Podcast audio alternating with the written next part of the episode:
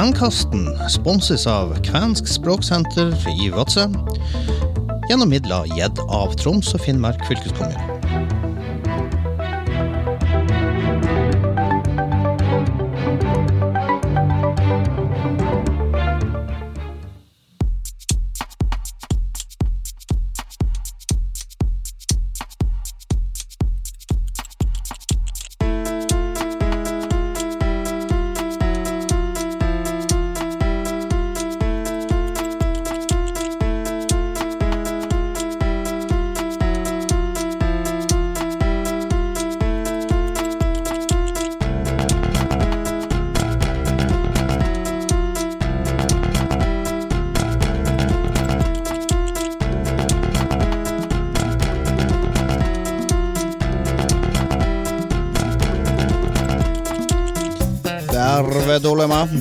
Dervedoloa, dervedoloa, kvänkastin ja dervedoloa, kvänintima. Tapana on Barjantai ja Mie Olen Raimon Olufsen. Ja mie olen Lisbeth Dragnes. Hyvä se menee. Kyllä hyvin se menee. Kuinka se menee, Å, hyvin se menee. Ja da, det går bra. Vi er tilbake her ifra Vadsø, ifra Vesisari. Eh, og vi har hatt eh, Lisbeth ute på eh, eventyr. Ja, jeg har vært i Tromsø for å overvære åpninga av utstillinga Dolessa på Norges arktiske universitetsmuseum Og Dolessa, det betyr i Vinden. i vind, ja. Fortell litt hva det er. Ja, denne utstillinga den viser funn fra forskningsprosjektet som kortfatta heter IMKVEN, som er et forskningsprosjekt eh, ved UiT, hvor de har eh, forska på hvordan eh, kvensk eller norsk-finsk kulturarv kommer til uttrykk i dag. Mm. Så blir den veldig fin og kunstnerisk, men også med mye faktastoff. I tillegg til uh, innslaget her fra, fra Tromsø, så har vi også uh, med oss et eh, eh, minikurs i kvensk med Aili Eriksen. Og i dag så skulle vi vel eh, prate om eh, årstider. Før vi hører innslaget fra Tromsø, så vil jeg gjerne si hvem det er vi hører, for det kommer ikke så klart og tydelig fram på alle. Ja. Men eh, jeg har da tatt en liten sånn stemningsrapport, så dere får med taler fra Per Helge Nylund først, fra UiT og um, Universitetsmuseet. Så er det Trine Kvidal Røvik som holder en tale, og hun er da prosjektleder for det her Imkvern forskningsprosjektet. Hun blir etterfulgt av Kristin Nikolaisen, som også deltar i forskningsprosjektet gjennom Nikolaisen Film, og som også da er prosjektleder for den utstillingsdelen. Så blir det flott musikk med Kristin Mellem, som også prater litt. Og det kommer også tale med Lena Årekål, som er museumsleder på Universitetsmuseet der i Tromsø. Mm. Og så får dere også litt eh, lyder fra utstillingsåpninga, altså folkeutstillinga. Og helt til slutt så da har jeg tatt en prat med Trine Kvidal Røvik, Kristin Nikolaisen og Gyrid Øyen. Og Gyrid er da egentlig ansatt på museet her i Vadsø som formidler, men har permisjon for å ta ph.d., og da er med som stipendiat eh, i dette forskningsprosjektet IMKVEN. Ja. Så da kan du kjøre i gang. Ja. Og eh, for de av dere som da sitter og hører på Kventimen, så blir jo da siste halvdel av programmet eh, da bidrag ifra Rojan Radio. Og med det så kjører vi i gang.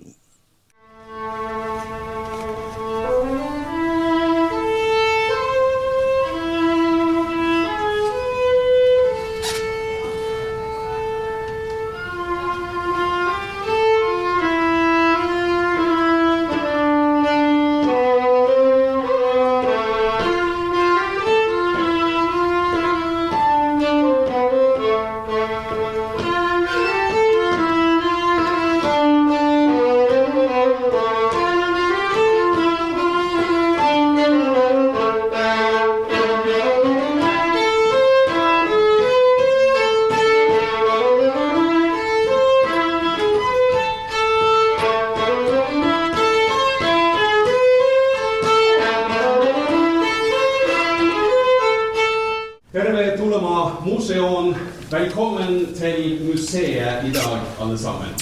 Vi skal åpne ei ny utstilling. Det gjør vi stadig vekk på museet, men i dag er det en utstilling om kvenene. Og det har vi ikke gjort så ofte. Det har vært noen før, men dette er helt klart den største.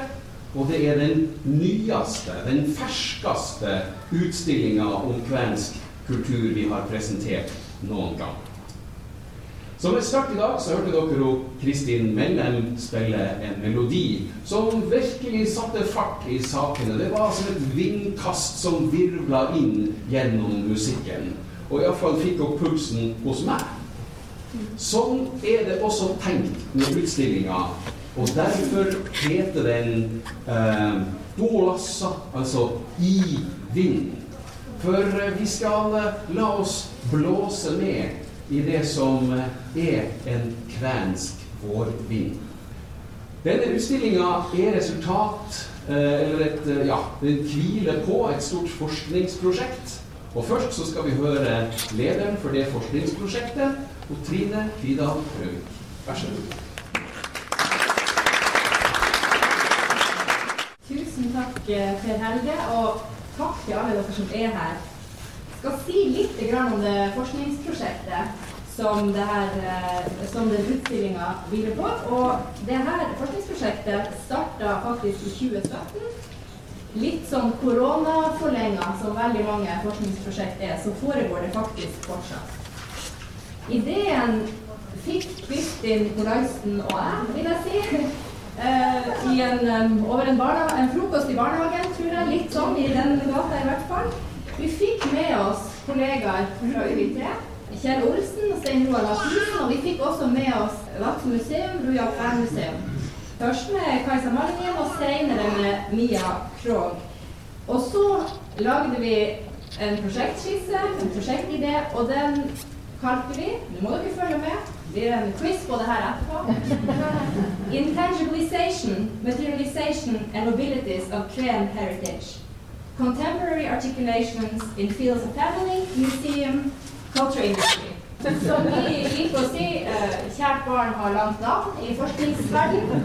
Uh, men hvis dere fulgte litt med, så, så sa denne tittelen også at vi var interessert i kvensk kulturarv. Vi er interessert i det. Og hvordan den kommer til uttrykk i familiene, i museumsfeltet og inn i kulturfeltet, litt inn mot det eh, kommersielle. Forskningsrådet de syntes dette var en god idé. Og Samkull-programmet valgte å gi oss støtte. Vi fikk med oss etter hvert eh, en ph.d.-stipendiat, Gyri Øyen. Og da hadde vi et konsortie, som vi kaller det. En liten gruppe som besto av oss fra UiT, Nikolaisen Film og Vadsø museum Rujak Vernmuseum og så fikk vi med oss eh, viktige partnere fra nærings- og samfunnsliv. Eh, vi fikk med oss Egil Sundelin, Silja Huru, Pål Vegard Eriksen og Inger Birkelund. Og Kajsa hvert hadde skifta en hatt der, så hun kom inn på den måten etter hvert. Vi syns vi hadde et godt team. Og det er jo vi som står bak eh, de funnene som, som dere vil kanskje møte, vil jeg håpe, da, i utstillinga Dolesa.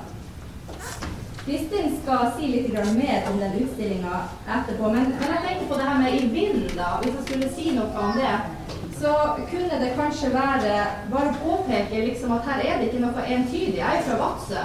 Eh, og da kan det jo være at man får liksom behov for å feste løse gjenstander når det blir mye, mye vind. Men det kan òg være at man får fart i kiten på vei over, over vidda. Eller at det rister voldsomt i flyet når man skal lande. Kanskje er det sånn at man holder godt sammen, tett sammen i vinden. Professor Anders Johansen han er på Universitetet i Bergen, men, men, vi kan jo snakke om han for det. Han, eh, han har skrevet og sagt veldig bra og verdifullt om det her med formidling. Jeg syns det er veldig inspirerende. Han eh, forklarer oss forskerne om verdien som ligger i det å gå inn i andre formidlingsprosesser enn det vi kanskje vanligvis sånn tradisjonelt gjør med de her artiklene som vi gjerne skriver, og vi skal skrive, og bøker og foredrag, forelesninger, den type ting. Men han, Anders Johansen sier å utsette seg for krav fra en annen formidlingssituasjon overfor et annet publikum og i en annen uttrykksform, kanskje et annet medium, det er å tvinge seg til å se på saken fra en annen side. Og ofte gir det uttelling i form av ny innsikt. Så det å formidle gjennom en utstilling, sånn som vi i dette forskningsprosjektet som vi har forkorta kalt IMCAN Det er litt slitsomt med den lange tittelen sånn over, over tid. Eh, den, det, det, gir oss altså anledning til å reflektere rundt våre egne forskningsspørsmål og våre egne funn. Det gir oss altså ny innsikt. Ny innsikt for forskninga. Og for oss på UiT så er denne dynamikken veldig viktig. Altså Den innsikten vil vi ta med oss, denne innsikten knytta til det kvenske spesielt, vil vi ta med oss inn i eh, undervisning og forskning og formidling, som er våre oppgaver uansett.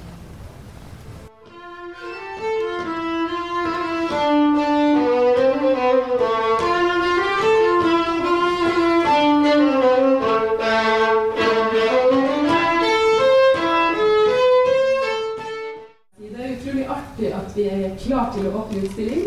Eh, en utstilling består jo av utrolig mange sånn biter og broker og folk og detaljer og store ting. Så mange tråder å trekke i. Og eh, de, de, har vi hatt veldig god hjelp til å gjøre. Det skal jeg si litt mer om. Men det beror også, som Josefine og Per Helge har sagt, på et stort, langvarig feltarbeid. Hvor vi også må si at dette laget jo virkelig i lag med de folkene som vi har møtt og de mange tingene som skjer nå. For at jeg vil jo si at vi kom inn i en sånn veldig heldig epoke. Vi kom inn når et Venstre har fått et positivt fortegn. Og eh, all den der eh, Det er mange metaforer som kan bruke, men la oss si at vi har en kiste som det står og er trykkkoker under. For at det er så mye som jeg tenker at nå folk har lyst til å slippe til. Og det går alt på de såre fortellingene, det går på kulturskatter i forhold til musikk og sang og fortellinger. Så alt det her tenker jeg nå i de fire årene vi har hatt feltarbeid, bare sånn Så det er ikke så rart det kalles for vårvind, vårslepp, vårflom. Og det knaker av og til i sammenføyningene, som Trine sier, men det er også utrolig mye god energi som kommer ut av det. Og jeg tror det var den vi bare sånn Uff, vi må bare Det her må kanskje få lov å bli mer enn artikler og seminarer. Og vi fikk lyst til å lage den utstillinga da. Da må vi nesten si litt om det her hvordan ei utstilling ikke på noen måte blir til bare av forskere og den kjernegruppa vår alene. Vi, når vi hadde den, den, i tanken, så hadde vi også lyst til at det skulle bli en vandreutstilling. Eh, og da tok vi runden med å høre hvor ønsker vi at den skal vandre, hvem ønsker å være med oss. Eh, og de vi nå da i hvert fall i første runde har, da, la oss begynne i øst. Da er det Vadsø Roja, altså Roja Kvenmuseum som raskt var med, og de er jo også med i kjerneprosjektet. Eh, og så går vi til Børselv, Kvensk institutt. Også helt uvurderlig for oss, fordi at dere finner tekster på kvensk, og dem er, har Kvensk institutt gjort en stor innsats på.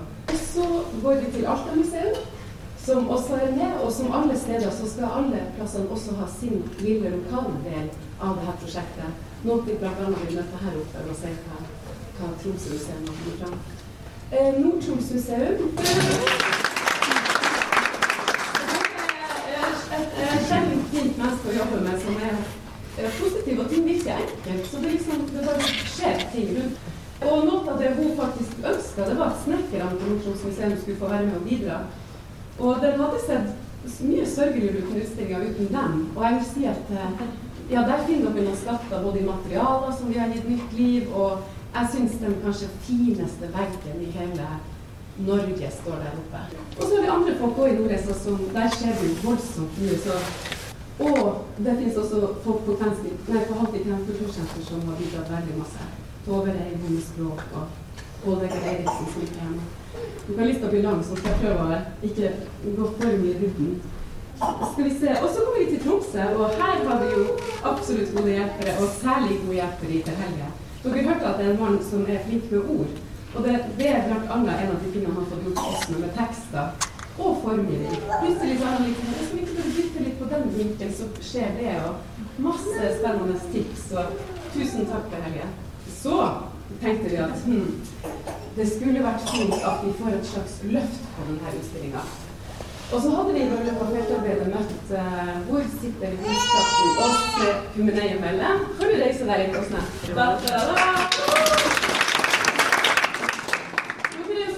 Hun men hun bor i Tromsø.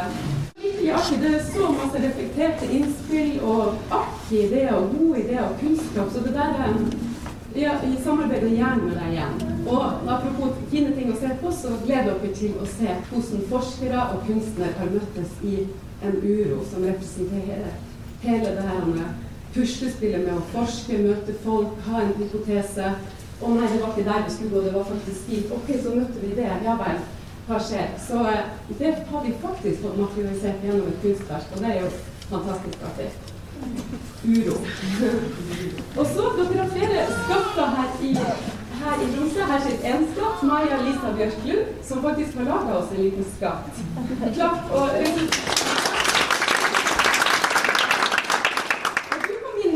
litt mer i siste runde, og sånn har egentlig prosessen blitt. Og hvis vi tar oss i denne vinden, så tenker jeg at sånn har vi vel egentlig virvla det fram, at folk har kommet til. Og, og mange er klare og kan så mye og har verdifulle bidrag. Så her er det bare å Kista kan bare åpne seg. Ja.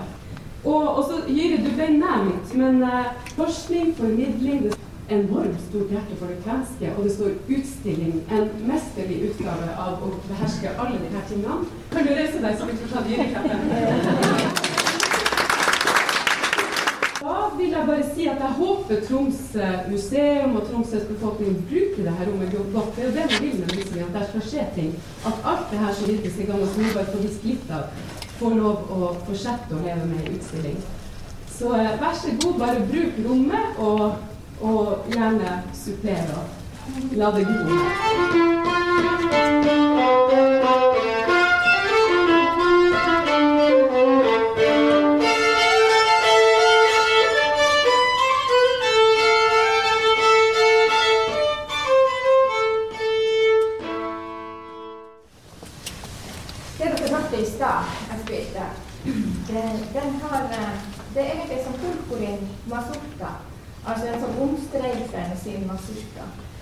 Som var i en litt omskapt form, og vi har kalt den, eller jeg kalte den for eh, purpurin um, gaiko. Altså etterklangen av den omstreifen han, han eller hun som var på vandring. Og, og, på den måten så har jeg jobba med folkemusikken eh, egentlig på samme måte som Bo Åsne jobber med, med, de her gamle teknikkene. At man tar fram det gamle, men man lytter seg inn i det og prøver å finne ut hvordan man kan eh, skaper liv i samtida. Og, det, og da er vi på en måte ved kjernen av hvor utrolig viktig museene er. Ikke bare for å putte ting i monter, men for å sette det ut i livet. Sånn som at man får en arena i samtida. Og det er jo nettopp det her som dere gjør, som Kristin og, og kompani gjør. De gjør mye ting. De det kvenske også hit inn i Tromsø museum. Så jeg håper at det her er bare begynnelsen på det fantastiske som, som vi skal se skal skje.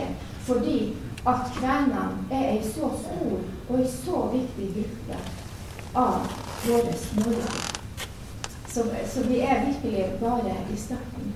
Jeg vil bare fortelle dere en liten ting også. Jeg var På 90-tallet var jeg nyutdanna, og jeg fikk komme hit og vikariere for Ola Graff på folkemusikksamlinga. Og fikk helt sjokk over å bli presentert for et par tusen kvenske lydopptak. Og det der var jo en tid der, der man kunne snakke om det kvenske bare med, bare med gamlinger. Når man snakker om det kvenske, så, så var folk helt sånn ambivalente. De skjønte liksom at det ordet de burde forstå, men hadde veldig vanskelig for å sette, sette noe inn mot det begrepet. Jeg husker jeg var musikkonservatoriestudent og snakka med noen fra Lakselv. De visste hva kven var. Ja. Etter hvert så har jeg bodd i Nord-Troms og, og jobba på Nord-Troms museum. Og liksom flere og flere kunne man snakke med, men nå kan man jo snakke med alle. Kvensk er Jeg skal spille for dere til slutt en uh, salme som heter Jå attelen. Uh, jeg ser en dag når trengselen er over. Det er kanskje omtrent der vi er.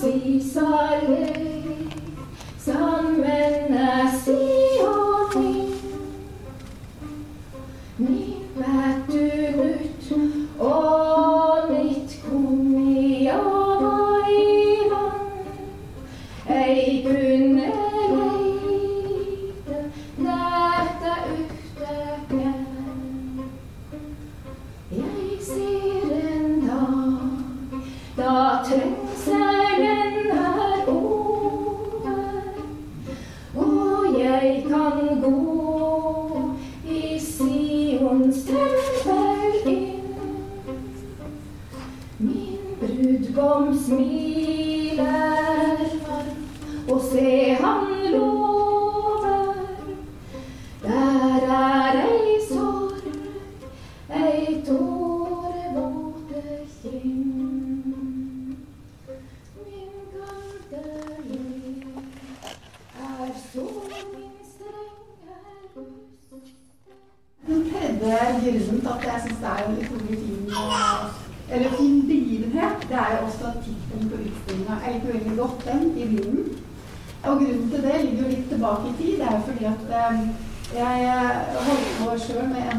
Doktorgrad i kvensk, om kvensk kultur og kvensk revitalisering. Den var ferdig i 2009. Og jeg husker at jeg satt veldig mye igjen med da en sånn oppfatning av at det var veldig mye fokus på det tause, det stille, det døde, det på en måte det forgangne. Det var veldig mye av det som var ordene som ble brukt om det. Jeg husker jeg leste også en tittel, jeg husker ikke på hva det var, men det var også en tittel, kanskje var det en film, som het tause folkets stille død'.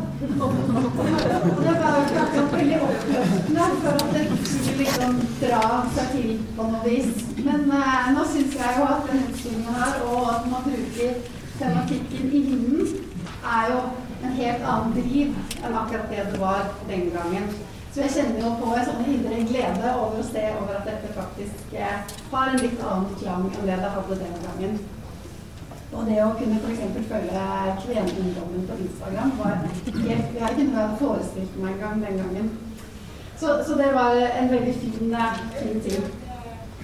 Eh, Men jeg tenker også, det er jo også som universitetsmuseum og museet generelt, så er det også vår oppgave å gi ulike grupper plass, men også delta i samfunnsdebatten og på en måte være en, en del av det som pågår. Og eh, i vårt museum så har vi som Pegasus ikke laga så fryktelig mange utstillinger om denne, denne, denne tematikken, men vi har jo en del dokumentasjonsmateriale som har blitt samla inn gjennom ulike forskningsprosjekt, særlig fra 1970-tallet og framover, men også noe før det.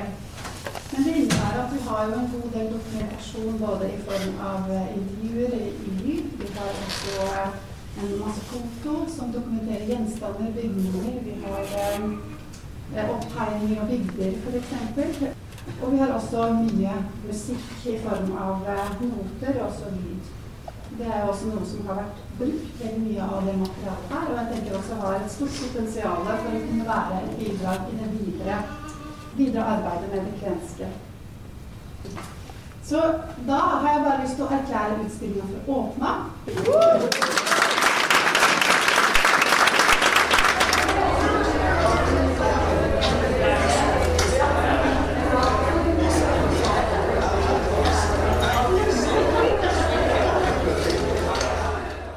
Da sitter jeg med Trine Kvidal Røvik, som er prosjektleder for IMKVEN-prosjektet. Og nå har vi akkurat vært igjennom åpninga av utstillinga Dolesa i Vind. Mm. Hvordan var det å åpne utstilling basert på det her forskningsprosjektet? Det var, det var veldig artig. Ikke så veldig ofte vi lager utstilling for å formidle fra forskningsprosjektene våre, men eh, det virker jo som en, eh, en måte å formidle på som, ja, som engasjerer, som skaper dialog, og som, som treffer en del folk som vi kanskje ikke ellers treffer da, når vi skal formidle fra forskninga vår med, med de tradisjonelle formidlingsmåtene gjennom å skrive ja, vitenskapelige artikler eller bøker eller foredrag, også undervisning for den saks skyld. Men her er det jo mange andre som kanskje kommer, og så gir det jo fin mulighet til å prate med folk i utstillinga rundt de forskjellige elementene. Og da får man jo snakke om forskninga, og det liker vi jo. Så eh, Nei, jeg vil si at det har vært veldig, eh, veldig spennende, positiv opplevelse. Ja, og under og etter åpninga i dag, eh, var det mange som kom bort og ville diskutere temaet? Ja, det var veldig mange som kom bort. Det var forskjellige ting de, de ønska å snakke om. Noen eh, vil jo snakke om det her med å lage utstilling for å formidle Altså at en sånn forskningsbasert utstilling eh, er i seg sjøl er noe spennende. Og så var det noen flere som også trakk fram at det å, å vise kvensk kultur eller, eh, eller, eller kulturarv i det hele tatt, sånn som det kommer til uttrykk i samtida, var også litt sånn friskt og spennende. Da. Så det var litt artig, og, artig å høre.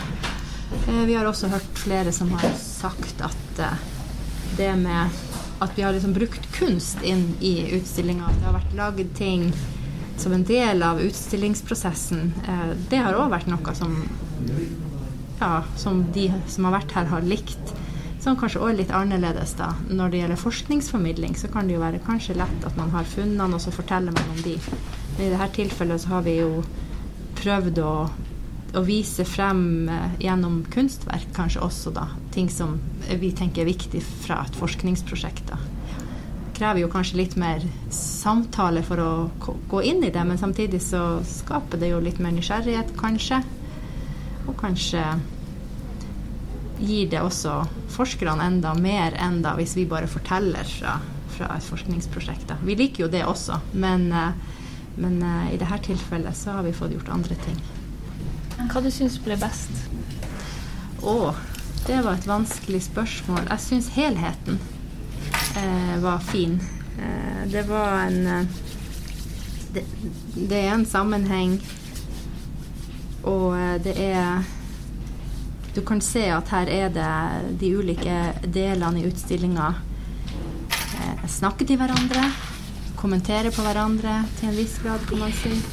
Og, eh, og, så jeg liker den helheten. Nå har jo jeg, I min egen forskning så er det jo den her eh, kanskje den populærkulturen eller den kulturarenaen og, og det som skjer rundt det kommersielle, som, som er et lite sånn spesielt eh, hjertebarn, kan man kanskje si da.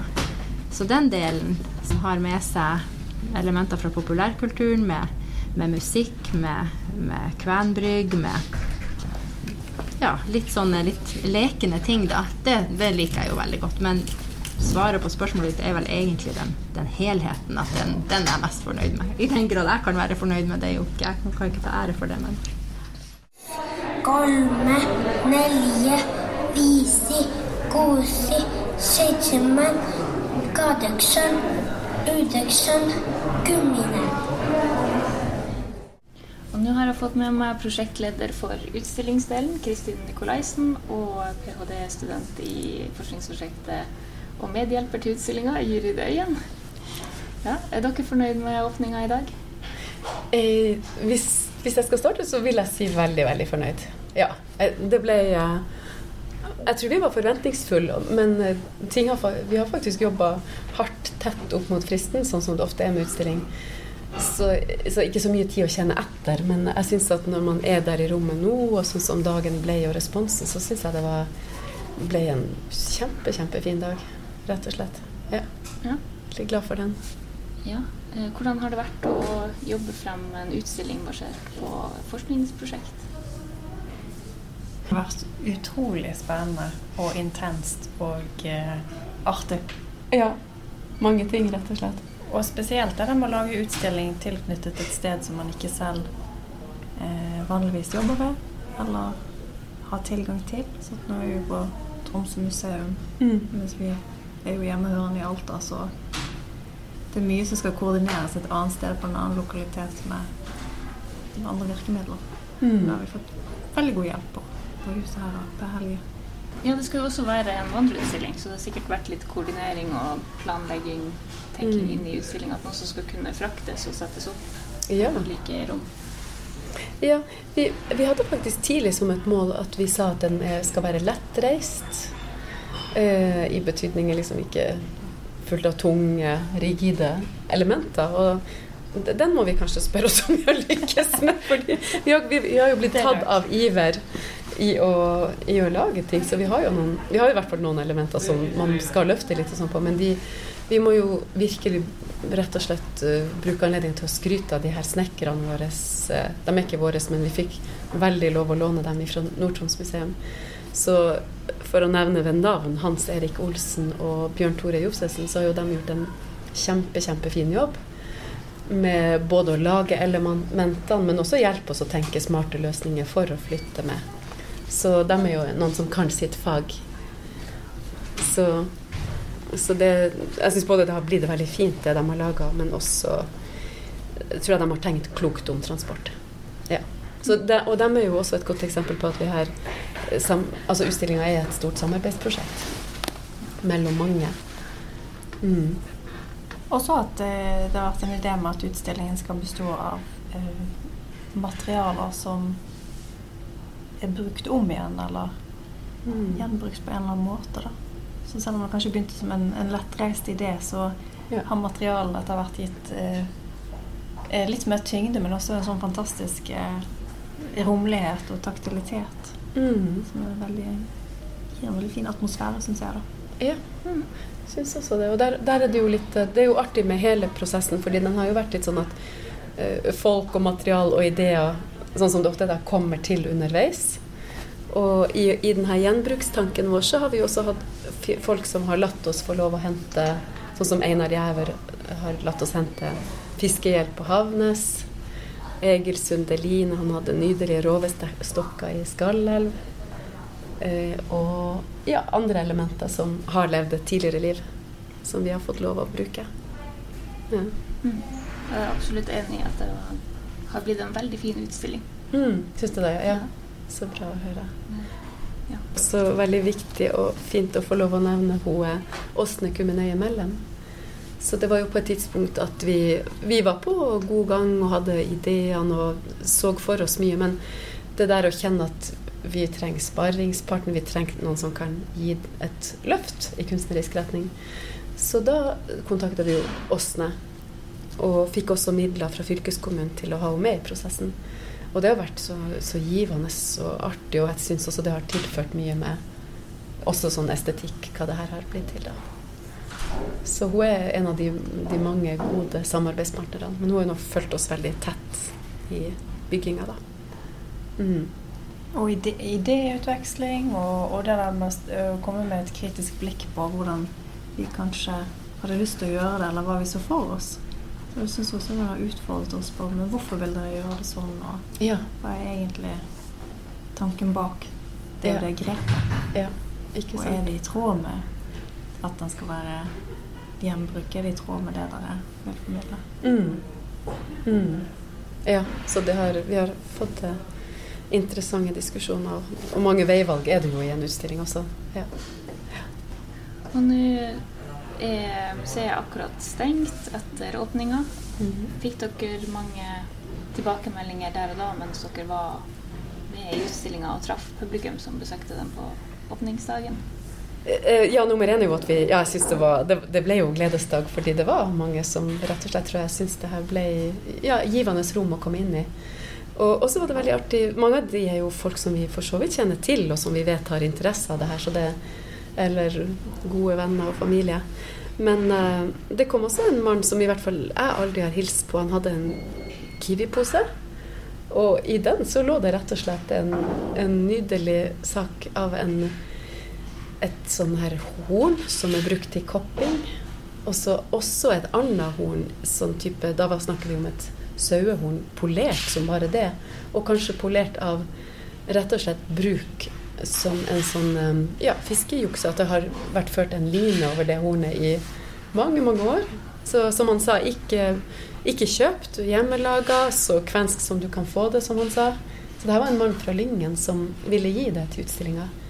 Og det var jo en sånn artig ting som er kanskje noe av det vi har håpa på, at på ulike måter så kan Akkurat som feltarbeidet gir masse og, i form av fortelling og historie og kunnskap man deler og får lov å ta med videre, så er det jo eh, Så var det her det at noen kommer spontant inn og vil gi et bidrag, betyr mye. Og vi har ikke ennå fått hele og fulle fortellinger, så det ser jeg veldig fram til. Fordi eh, folk er jo Folk er jo fortellere, og, og hos dem så ligger jo de her skattene som er fine å, å ta videre. Jeg kaller det litt skatt, men det er jo også levd liv, og det er kunnskap og, og gjenstandene i seg sjøl. Og alle som jobber på museum, vet jo at eh, hvis du har fått en ren gjenstand uten fortellinga, så er den jo fortsatt verdifull, men, men det er jo det personlige rundt den som er med å gi liv til den gjenstanden. Så jeg ser veldig fram til det møtet der. Og at den kan til og med få lov å bli med utstillinga videre. Så det var jo noe vi snakka om, at det kan jo være en inspirasjon til fortsettelsene som flere kan gi, eller kan låne bort og ha det med på reisen. Ja, er det flere samtaler dere vil søke fra? Det, var, det, var, det ble kommentar på at det er fint at det er brukt så mye kvensk språk i utstillinga. At, at, det er et språk som vi At det brukes. At det var også kunstneriske element som er med å fortelle historien. Så ja, det sa vi vel i stad også. Ja, og så at det ikke var, at det ikke var sånn holdt på å si, klassisk grep med bildetekst, bildetekst, bildetekst bortover veggene, mm. men at den kanskje har den romligheten. Mm. Og det er jo et utfordrende rom å bruke, fordi det er jo så mange dører og gjennomtrekk og avlangt. Ja, ja. Så det passet oss jo veldig fint med de elementene vi har med. Ja, det gjorde det. Det er sant. Og så blir det jo artig, fordi den får jo liksom sitt nye liv på hvert av de nye stedene den kommer til. Både i form av hvordan den settes opp, men også hva de stedene velger å gjøre med den. Og der, der håper jeg jo der må vi si oppmuntre til at vi håper alle kjenner sin besøkelsestid og bruker rommet så godt som det kan. Det, her har de jo bl.a. nevnt at man kan legge en kvensk språkkafé til, eh, til, den perioden man står her. Og, og, så er det jo veldig mye ressursfolk i Tromsø som jobber med det kvenske på ulike vis. Kvenungdommen har du representant for. og musikk, sånn som Kristin forteller så fantastisk at hun fikk sjøl sjokk på, på 90-tallet når hun finner det her i arkivet på Tromsø museum, og det er rett og slett er 2000 eh, typ, altså rundt, rundt formulert. Ja. ja. opptak med musikk og sanger. Og det er jo ja, litt av en skatt. Kvernarkivet er jo lokalisert her. Mm. Så der er jo og så fikk vi jo den litt modige innspillet at eh, museene har Det var et lite spark til at museene kan vri seg rundt og kanskje gjøre mer ut av det her, den kvenske historien generelt. Da, at det, Ta det inn i de faste utstillingene, og ikke bare ha det som noe midlertidig. Ikke noe som bare vandrer, nei, men la det få sitt rom, da. Ja, og der tenker jeg jo at det her er jo det her er jo én minoritet vi snakker om. Jeg syns også det er noe fint med å tenke at minoritetsfortellinger generelt da også er, Ja, museene har en jobb å gjøre der som er viktig. Men Kan dere lage på en måte et bilde av hva er det vi ser i den utstillinga? Man ser mange ting i utstillinga. Blant annet så ser man faktisk et hus. Og det husker jeg at når vi var i prosessen her nå, nå sier jeg til deg litt, Jyrid, fordi at det var mange elementer som har vandra litt inn og ut. Hva blir det, og hva blir det ikke? Og så hadde vi vel hatt en første workshop i Nordreis. Og huset det var liksom holdt vi fast på. Da husker jeg at Jyrid sa, for jeg tror du faktisk var den som foreslo det. var sånn, Åh, jeg er glad at huset er med fortsatt. Ja. og, og Gyrid har jo superideer til utstilling, så, og jeg er veldig enig med henne. Det liksom gjør noe med, med rommet. Og der er jo det brukt materialer fra gammelt naust, og så det som jeg kalte Norges vakreste vegg. Den er jo nydelig, den som også har naustvegger og språktre. Men det er jo nydelig å komme til en nevervegg, sirlig utført av han Bjørn Tore Josefsen. Så det er noen ting. Og så har vi jo andre saker og ting.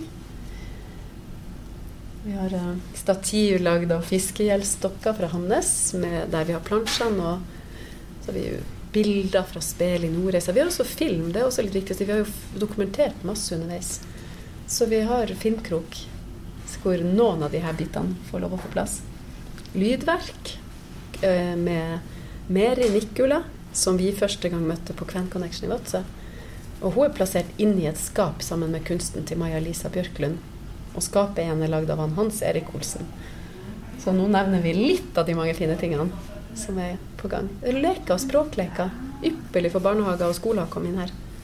Ja, herregud, hvor vi reklamerer. Herre Jomala. Og et eh, kunstverk av Åsne. Ja! Selveste uroen. Den er jo møtet mellom kunstnere og forskere og i grunnen hele feltet. Ja. Mm. Den er lagd av lett materiale, så den snur seg sakte rundt som om den er i vinden. Ja, ikke sant? Ja. Den får så fint skyggespill, og i seg sjøl så representerer den jo ja, mange slags møter mellom mennesker. Utfordringer du møter på i forskninga, men også i kunsten. Og nye veivalg man tar. Så den, den kan jo tolkes på mange vis, men det er noen av de samtalene vi har knytta opp mot det. Og den er jo inspirert av Himmeli, som de lager mye av i Finland, i strå, men her lagd i sugerør. Det hørtes kanskje ikke så vakkert ut, men det er jo vakkert. Ja, den er, den er veldig vakker. og Jeg synes det, For meg så, så materialiserer den veldig fint at eh, ja, om det er kunstnerprosess, eller om det er forskningsprosess eller Mm. utstillingsprosess, så ikke det noe som er lineært, som går liksom fra A til A til Å, men det skjer masse greier underveis. Noen avstikkere og noen Ja. nye veier og noen to skritt tilbake. og ja. Ja. Føler innimellom som i forskningen litt som et sånt stigespill. ja. ja, godt formulert. Det er jo også, ja, og det, Der du kanskje begynner med et eller annet slags firkantig ark, så ser det jo på ingen måte sånn ut etterpå. Sånn er det jo med den her òg. Takk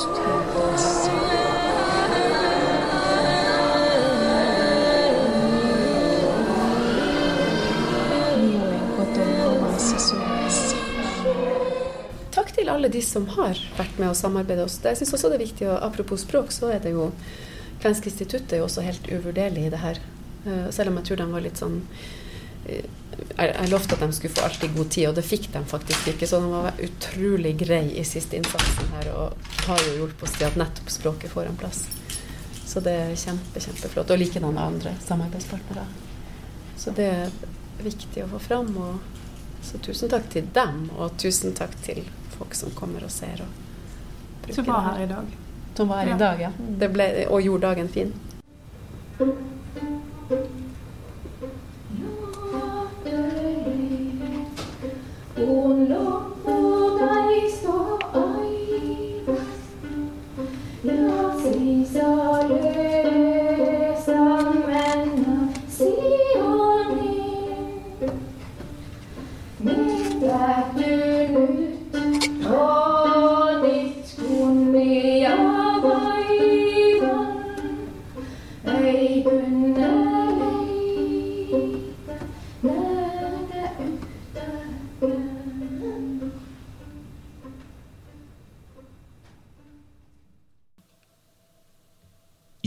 Det var en del interessante mennesker som var eh, til stede her.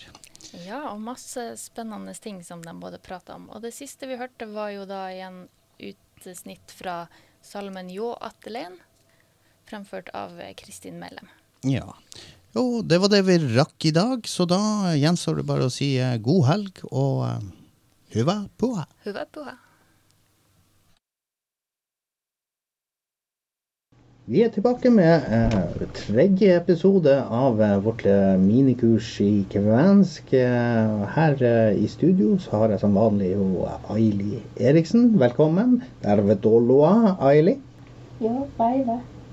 Hyggelig, hyggelig. Um, I denne episoden så skulle vi se litt mer tid på årstider. Eh, kanskje vi til og med toucher innom månedene. Um, men ja, vi kan jo begynne med årstidene. Eh, og nå sitter vi jo her rett før jul, og da sitter vi jo i eh, vinterstid. Som da blir på kvensk Dalvi. Dalvi. Uh, har vi noen andre uh, uttrykk for uh, vinter? Eller den kalde tida, eller noe rundt det? Mm, Ikke som jeg vet om. Jeg har hørt bakkanen på finsk, men det er mer frost. OK. Bakkanen. Ja. Eh, men vi har Dalvi, som er vinter. Og etter, eh, etter vinteren så kommer jo, eh, på norsk i hvert fall, våren. Men jeg har jo hørt på kvensk og finsk, så har man en sånn man har en sånn mellomfase. Gevert talvi. Ja, det blir vel uh, vår-vinter. Så det er en sånn mellomfase der hvor du antageligvis har plussgrader, og du får mye holkeføre og litt sånne ting. Og så får vi da våren, som da er Gevet. Er det Gevet eller Gevet? Jeg har sett eh, flere varianter. Gevet. det, det er det samme som på finsk, men jeg har også sett Gevein. Ja. eh, jeg ser jo her, jeg har jo en, eh, har jo en eh, liten oversikt her på veggen eh, over noen av eh, de her eh, eh, årstidene. Og da gevä. Eh, og jeg ser Jeg har gevä, men ikke gevett. Så Ja, Det er mange variasjoner av det ordet der. OK.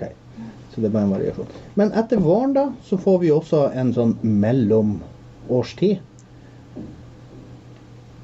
Mm, jeg tror de sier susdalvi, faktisk. Susdalvi. Ja. Som da blir senvinter, eller? Høstvinter. OK. Ja. Men vi har jo også eh, eh, Så vi har vår, vi har vinter, vi har, vi har eh, vinter-vår, vi har vår. Vi har vel vår-sommer. Keva Hva det blir Keva Ke- Kessa? Ja, ja, ja. Keva Kessa. Og så har vi Kessa, som da er sommer. Ja. Og så har du, eh, som du sa, su... Det, er det, blir det su- suksu...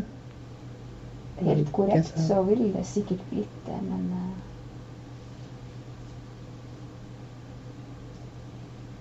Men det er ikke noe du bruker sånn i Nei, jeg bruker skjønner. ikke det. Men i hvert Jeg har hørt noen av dem. Jeg har hørt susdalvi. Susdalvi. Jeg, Jeg har faktisk ikke hørt eh, gesa suksu. Nei, jeg har Nei. faktisk ikke hørt det. Jeg kan ikke si for sikkert at det fins for alle.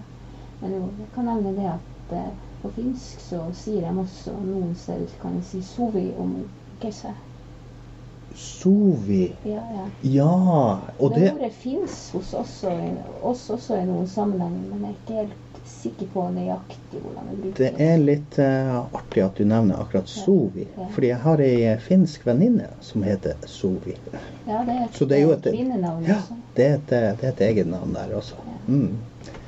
Eh, Så da har vi eh, Men i hvert fall, vi har de fire hovedårstidene, som da er Dalvi med vinter. Vi har Gevä, som er vår, eller Gevætt. Mhm. Og så har vi Gesse, som er sommeren. Og så har vi Suksu, Mhm. som da er høsten. Jeg syns jo Suksu eh, For du har jo, når du skal si Er det september måned? På finsk så er det susko, og det er egentlig eh, høstmåned. Høstmåneden, ja. Men eh, hos oss, og i hvert fall i Porsanger, så er det ofte september eller september i ko. ja. Og der tar man med ko. Ja. på, eh, eh, på de norsk... Altså måneds... Ja, på de internasjonale månedsnavnene. Men hvis vi tar en kjapp gjennomgang av månedene før vi eh, gir oss her, så hvordan sier vi det eh, på kvensk, kanskje litt finsk, i forhold til eh, den norske varianten? Hvis vi starter fra januar. Ja, det, jeg har lært det faktisk. Det samme der. Januar i januar i god. Og Ja. på finsk så er det dam god, og det betyr eh, eikemåneden. Mm. Ja. Og så har vi februar med februarico. Ja, februar. Og finsk er det Helmiko. helmiko. Mm. Og så har vi mars, eller marsiko. Ja, på finsk malisko. Malisko. Vi minner litt om hverandre. Der, ja, ja. ja. Og så har vi apriliko. Ja, hurtigo. Hurtigo. Det må du gjenta. Hurtigo. Hurtigo. H-u Hohtiko. Det ble litt mange H-er der. Så Ja. Litt uvanlig eh, måte å bruke tunga og munn. Um, april, og så har vi mai. Uh, mai, mai maiko. Ja. Eh, så er det joniko. ja. Mai er forresten eh, Det er dogoko. Doukoko. Ja. Og juni Juni eller juniko. Joniko. Det er litt forskjellig om folk sier O eller U. Er det samme med eh, juli? Joliko? Ja, ja, ja. Mhm. Og eh, juni, det er gesako på finsk. Det er sommermåneden. sommermåneden, ja. Og eh, juli det er Heinako. det er liksom høymåneden da man gjør høyarmer. Ja, akkurat. Er det sånn at det henger veldig med jordbruket på de månedene, på finsk i hvert fall? Det virker sånn. Ja. Um, så vi var juli, og så har vi eh, augustico. Mhm. Og så hadde vi se septemberico, eller su su susk Ja, august var eloco. eloco. Jeg tør ikke helt sik si sikkert hva det betyr, men, jeg tror det betyr innhøstning. Mm. Jeg tør ikke si det helt sikkert, men september det var susko. Susko. Og så er vi da i oktoberico. Ja. Eh, har vi en finsk variant på den? Eh, Så det var lokaku og, og loka, jeg husker ikke nøyaktig hva det betyr, men eh, det de fleste sier til meg om assosiasjoner, det er den skitne måneden. OK. Det er da man drar med seg Jo, forresten, jeg tror også vi sier på kvensk at netton lokaiset, de er skitne. netton loikaise. Lokaiset. Ja. Eh, oktober, og da har vi novemberico. Mm. Eh, har vi en finsk variant på den? Marasco. Marasco. Eh, og så har vi desemberico, men der vet jeg også at du sier jolico. Yo, loko. Ja. Og det er den finske varianten. Yoloco. Og da kan vi jo bare si at eh, yolo er jo da, som vi har nevnt eh, på en tidligere episode, det er jo jul. Mm. Men det var eh, litt om tid og årstider. Eh, vi rakk månedene, og vi rakk eh, årstidene i denne episoden. Tusen hjertelig takk. Baljon. Ole hyvä.